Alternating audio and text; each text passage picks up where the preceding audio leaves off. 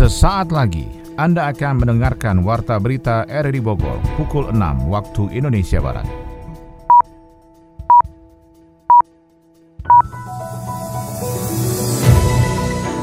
Selamat pagi, salam jumpa. Kami hadir kembali dalam Warta Berita edisi hari ini, Sabtu 12 Februari 2022. Informasi ini juga turut disiarkan melalui audio streaming lewat RRI Play dan juga disiarkan lewat Radio Tegak Beriman Kabupaten Bogor, Jawa Barat dan Anda bisa akses di Spotify RRI Bogor. Berita utama hari ini adalah Meski bergejala ringan bagi sebagian orang, COVID-19 varian Omicron tetap harus diwaspadai.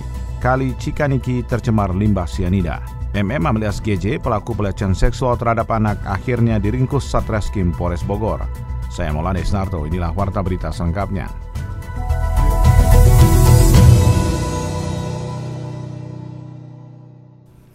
Saudara dikabarkan Persatuan Perawat Nasional Indonesia sebanyak 160 tenaga kesehatan atau nakes di Indonesia terpapar COVID-19 selama periode 1 Januari hingga 11 Februari kemarin. Ketua PPNI Harif Fadilah mengatakan jumlah nakes yang terpapar COVID sebenarnya bisa lebih banyak karena beberapa nakes masih belum melaporkan diri melalui sistem pemantauan anggota. Dan hingga hari ini belum ada kegiatan koordinasi untuk penambahan tenaga kesehatan dari rumah sakit yang kekurangan tenaga kesehatan.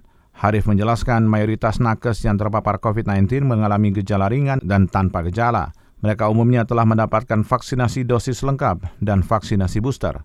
Harif menekankan bahwa secara ilmiah suntikan booster dapat memberikan perlindungan dari keparahan.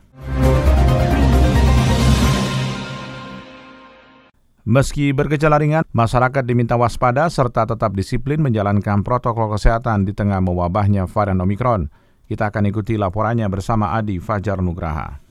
Kasus COVID-19 di Kota Bogor dalam dua minggu terakhir ini mengalami lonjakan yang sangat pesat. Ratusan kasus bermunculan dalam setiap harinya. Kondisi ini diduga keras akibat dari munculnya varian baru COVID-19 bernama Omicron, di mana menurut para ahli, penularan varian ini lebih cepat lima kali lipat dibandingkan varian sebelumnya yaitu Delta. Demikian dikatakan Wali Kota Bogor Bima Arya. Menurutnya, faktor lain yang juga menjadi penyumbang dari peningkatan kasus COVID-19 di Kota Bogor ini ialah masih rendahnya kesadaran masyarakat dalam menjalankan protokol kesehatan. Menyikapi kondisi ini, pemerintah kota telah melakukan langkah-langkah antisipasi seperti melakukan pembatasan mobilitas warga hingga penghentian kegiatan pembelajaran tatap muka di sejumlah sekolah di wilayahnya. Omikron ini proses penularannya lebih cepat dibanding Delta. Itu itu faktor pertama, memang karakter Omikron yang menular lebih cepat. Yang kedua, ya memang ada kecenderungan disiplin kita terhadap prokes ini menurun. Aktivitas warga sudah seperti biasa, nggak lagi jaga jarak, tidak mengurangi mobilitas, dan penggunaan masker kelihatannya juga sudah mulai longgar. Makanya itu kita dorong, termasuk pemberhentian pembelajaran tatap muka dan juga mengurangi kembali frekuensi perkantoran, kembali WFA dan di sekolah dihentikan kegiatannya. Jadi mengurangi mobilitas, mendorong mengingatkan lagi prokes. Meski gejala COVID-19 varian Omikron ini terbilang cukup ringan, namun masyarakat tetap tidak boleh menyepelekannya. Menurut Kepala Dinas Kesehatan Kota Bogor, Dr. Sri Noworetno, tingkat keparahan gejala Omikron tetap dapat terjadi, terutama bagi mereka yang belum melakukan vaksinasi. Untuk itu, Sri Nowo mengimbau ke kepada masyarakat untuk tetap waspada dan segera melakukan vaksinasi dosis lengkap bagi mereka yang belum melakukan vaksinasi. Beberapa bukti empiris dan penelitian dan yang disampaikan dari Kementerian Kesehatan bahwa eh, Omikron ini juga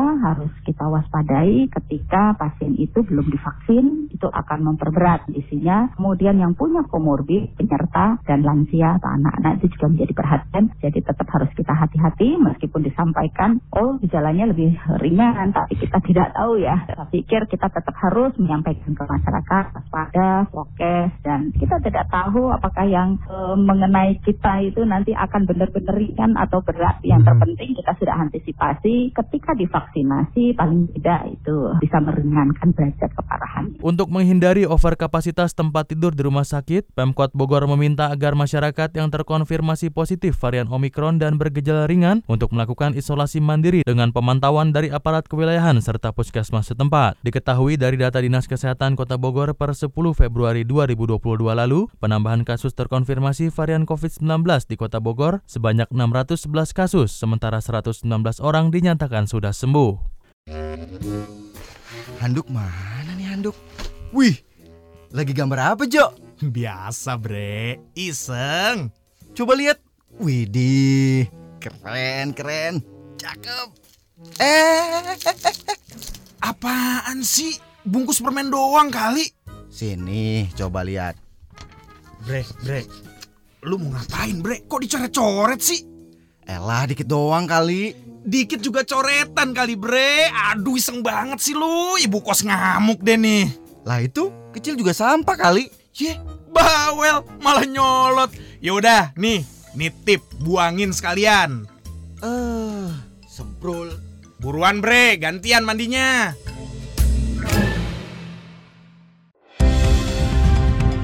Anda tengah mendengarkan Warta Berita RRI Bogor.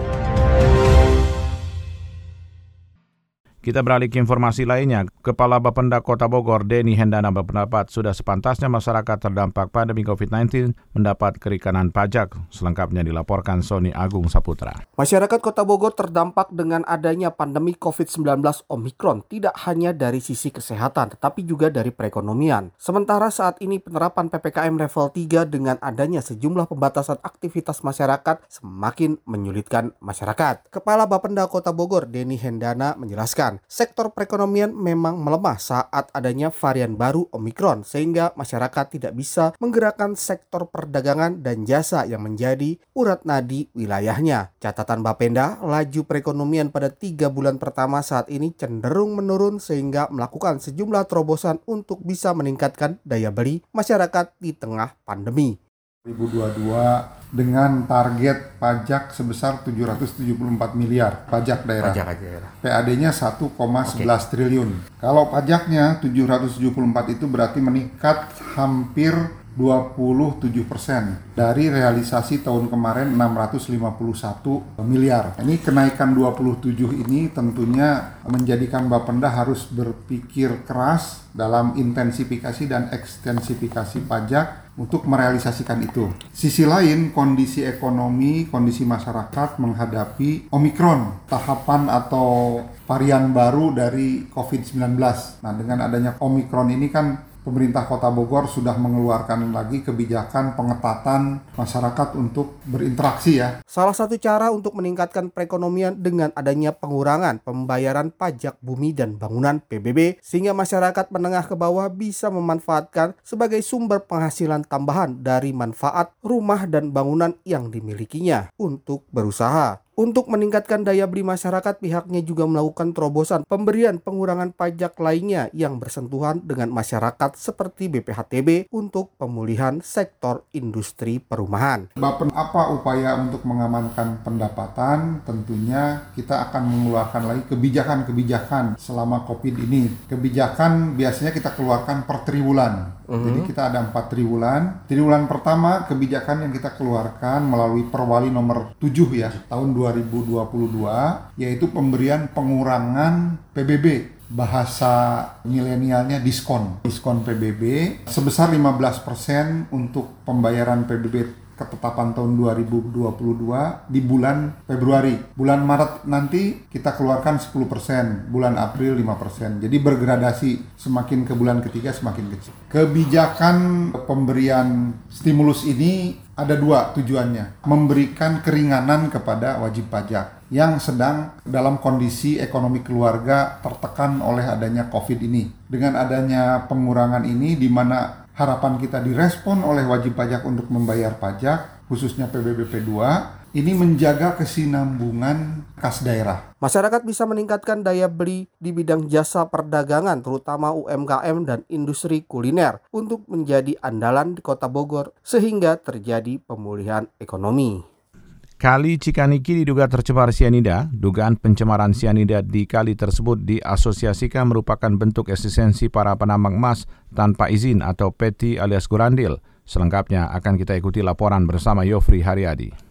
Antara uh, sekitar tujuh, tujuh, tujuh pak. Tapi untuk ini dengan kejadian ikan mati ini kan harus mengecek parameter Itulah jawaban Inspektur Tambang Dinas ESDM Provinsi Jawa Barat saat menjelaskan dugaan pencemaran di Kali Cikaniki, Kecamatan Nanggung, Kabupaten Bogor yang mengakibatkan ratusan ikan budidaya warga mati. Namun sayang, Inspektorat Tambang ESDM Provinsi belum dapat membuktikan kebenaran dugaan pencemaran dimaksud. Sementara menyikapi kondisi tersebut, Komisi 7 DPR RI pun langsung terjun ke lokasi unit bisnis penambangan emas UBPE Pongkor di Kecamatan Nanggung, Kabupaten Bogor. Kunjungan spesifik anggota Komisi 7 yang diketuai wakil ketuanya Edi Suparno itu menghadirkan seluruh pihak yang berkepentingan. Anggota Komisi 7 DPR RI Adiana Pitupulu yang sempat diwawancari RRI menilai pencemaran yang terjadi merupakan bentuk pembiaran dari pihak UBPE Antam Pongkor itu sendiri. Sepertinya kita tidak menerima kita tidak seperti itu. Lalu Antam bilang sudah tidak ada dan kemarin Sungai Cikaniki tercemar oleh cyanida. Dan itu menurut Anda bukan Antam. Lalu siapa? Kalau Pak Sekda bilang nanti jadi sarang hantu, jangan-jangan hantu ini sudah ada sekarang. RKAP Antam, khususnya Pongkor, ditunda. Nah, kooperasi harusnya menjadi jawaban. Kenapa? Di PT Timah bisa dibuat. 2015 perintah Presiden jelas memberdayakan penambang-penambang rakyat, memberikan kesempatan pada mereka. Di PT Timah diberikan area di dalam tiup PT Timah, dia tambang hasilnya dijual. Rakyat bekerja, negara tidak menjadi musuh abadi buat rakyatnya sendiri. Di sisi lain, dari pihak direksi PT Antam termasuk General Manager UBPM Antam Pongkor berjanji untuk melakukan penindakan lebih lanjut terkait dugaan pencemaran tersebut. Bahkan di Rut PT Antam TBK Nicholas D. Kanter telah mengambil tindakan bersama dengan jajaran Muspika setempat berupa pelaporan dugaan pencemaran limbah sianida yang ditangani oleh Bareskrim Polri. Di sini kami juga terus langsung melakukan terkait dengan masalah pencemaran di sungai. Sungai itu kami juga langsung berkoordinasi dengan semua pihak yang berkompeten dan berwenang, antara lain dari SDM. Jadi pada tanggal 3 itu juga sudah langsung datang berkunjung di sini. Juga dari LHK dan Gakum juga sudah datang kemarin. Dari pihak yang berwajib, kepolisian, Rastrim juga sudah datang. Jadi kepada tim independen saya sudah menyampaikan bahwa kami akan mengusut dengan tuntas terkait dengan kejadian-kejadian di sini. Di mana semuanya tentu harus kami dasarkan dengan hukum bahwa kami ingin mencari fakta, makanya tim yang terbentuk adalah tim independen yang mungkin bisa nantinya kalau dalam pertanyaan apa yang telah dilakukan. Informasi itu tidak ada yang harus kami tutup-tutupi. Dugaan pencemaran sianida di Kali Cikaniki diasosiasikan adalah bentuk eksistensi para penambang emas tanpa izin. Yang menjadi masalah utama adalah hulu pencemaran tersebut berada di kawasan IUP yang dikelola UBPE PT Antam Pongkor yang konsesi luasnya sekitar 6.000 hektar. Untuk sianid, kemudian untuk... Pertama, kamu datang ke lokasi tanggal berapa? Tanggal 3, Pak. Ini tanggal berapa? Tanggal 2, Ini udah, ini penelitiannya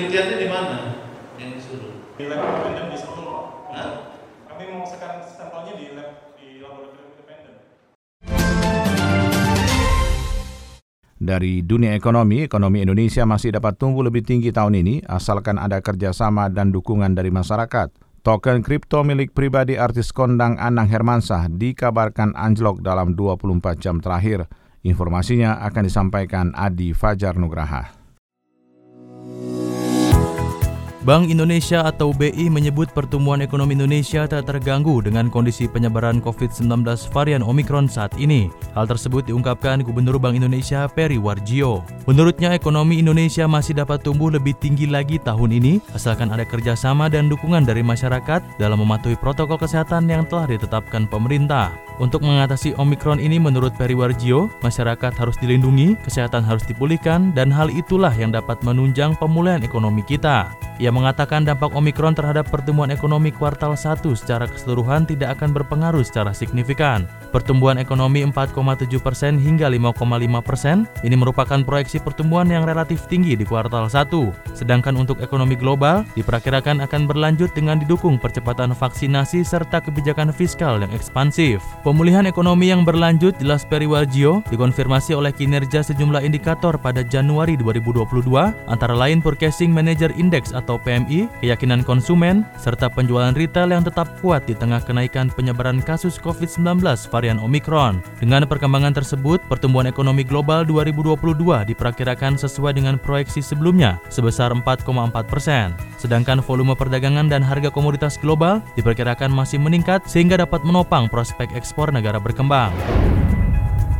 ASICS, token kripto merek Anang Hermansyah, anjlok dalam 24 jam terakhir. Melansir Coinbase.com, harga token milik Anang anjlok 27,38 persen. Hal ini berkebalikan dengan performanya dalam seminggu terakhir yang tercatat melonjak 427,75 persen.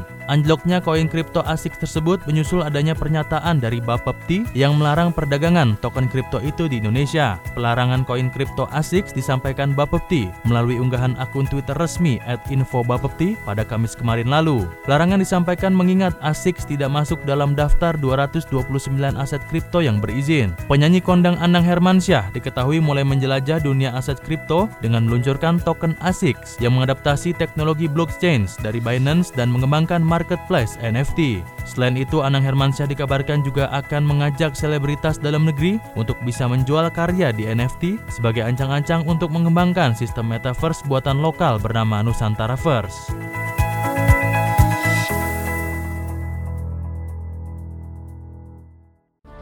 Assalamualaikum warahmatullahi wabarakatuh. Saya Arif Satria, Rektor IPB. Mari bersama RRI Radio Tangga Bencana COVID-19. Kita tingkatkan sikap disiplin untuk menjaga diri, keluarga, dan masyarakat sekitar kita untuk melaksanakan protokol kesehatan dan pola hidup sehat. Mari kita tingkatkan kekompakan kita untuk menghadapi bencana pandemi COVID-19 dengan penuh optimis. Semoga pandemi COVID-19 segera berlalu. Wassalamualaikum warahmatullahi wabarakatuh. MM alias GJ, pelaku pelecehan seksual terhadap anak akhirnya diringkus Satuan Polres Bogor guna melakukan penyelidikan lebih lanjut. Berita tersebut akan disampaikan Ermelinda.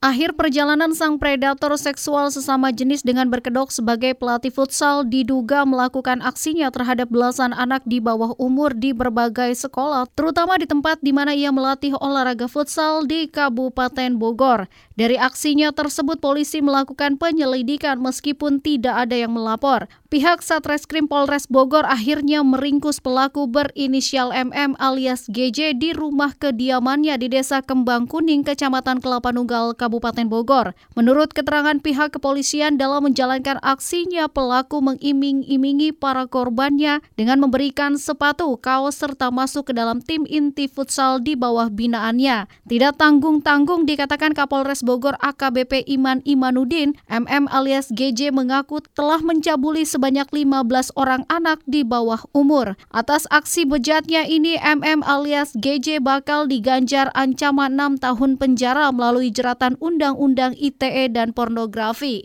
Hasil pengungkapan tindak pidana yang diduga dilakukan oleh tersangka, sebagaimana kita ketahui, beberapa hari yang lalu eh, sempat viral yang berkaitan dengan uh, seseorang yang mengunggah uh, diduga adanya tindak pidana uh, pencabulan terhadap uh, anak.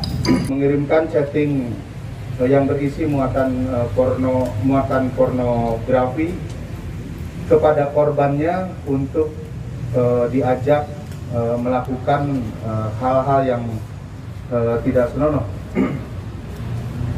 kebanyakan uh, korban dari si pelaku ini adalah anak didiknya di uh, tim futsal atau di klub futsal. Dengan iming-iming kepada korban pelaku mengiming-imingi dengan memasukkan si korban sebagai tim inti di dalam uh, tim futsal tersebut.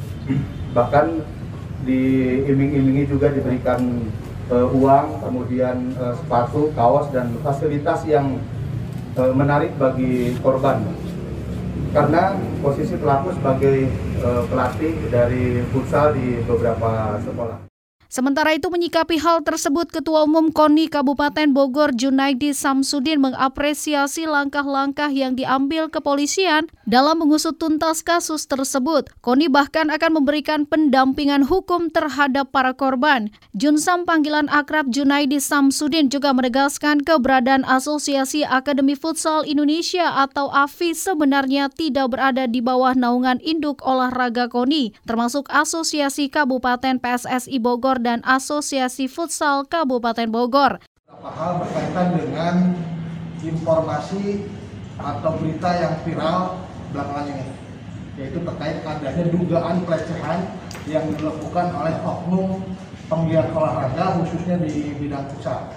Nah, ini perlu saya sampaikan ya bahwa AAPI Akademi Asosiasi sorry Asosiasi Akademi Futsal Indonesia tidak e, di bawah naungan KONI, tidak di bawah naungan ASKAP.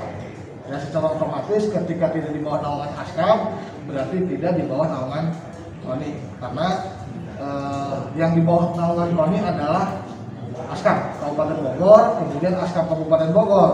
ASKAP PSS Kabupaten Bogor mempunyai asosiasi ya ada asosiasi sepak bola wanita, ada asosiasi pelatih, asosiasi wasit dan asosiasi futsal. Nah, asosiasi futsal yang di bawah naungan ASKAM dan di bawah naungan KONI adalah yang diketuai oleh Bapak Arif, Bapak Arif Rahman. Gitu. Jadi sekali lagi bahwa AAPI e, bukan binaan atau bukan di bawah naungan e, KONI Kabupaten Bogor. Dugaan pelecehan seksual ini sebelumnya mencuat setelah pemilik akun Gan NX mengungkap di Instagram pribadinya. Bahkan dalam akun tersebut disebutkan korban pencabulan MM alias GJ mencapai 64 orang korban.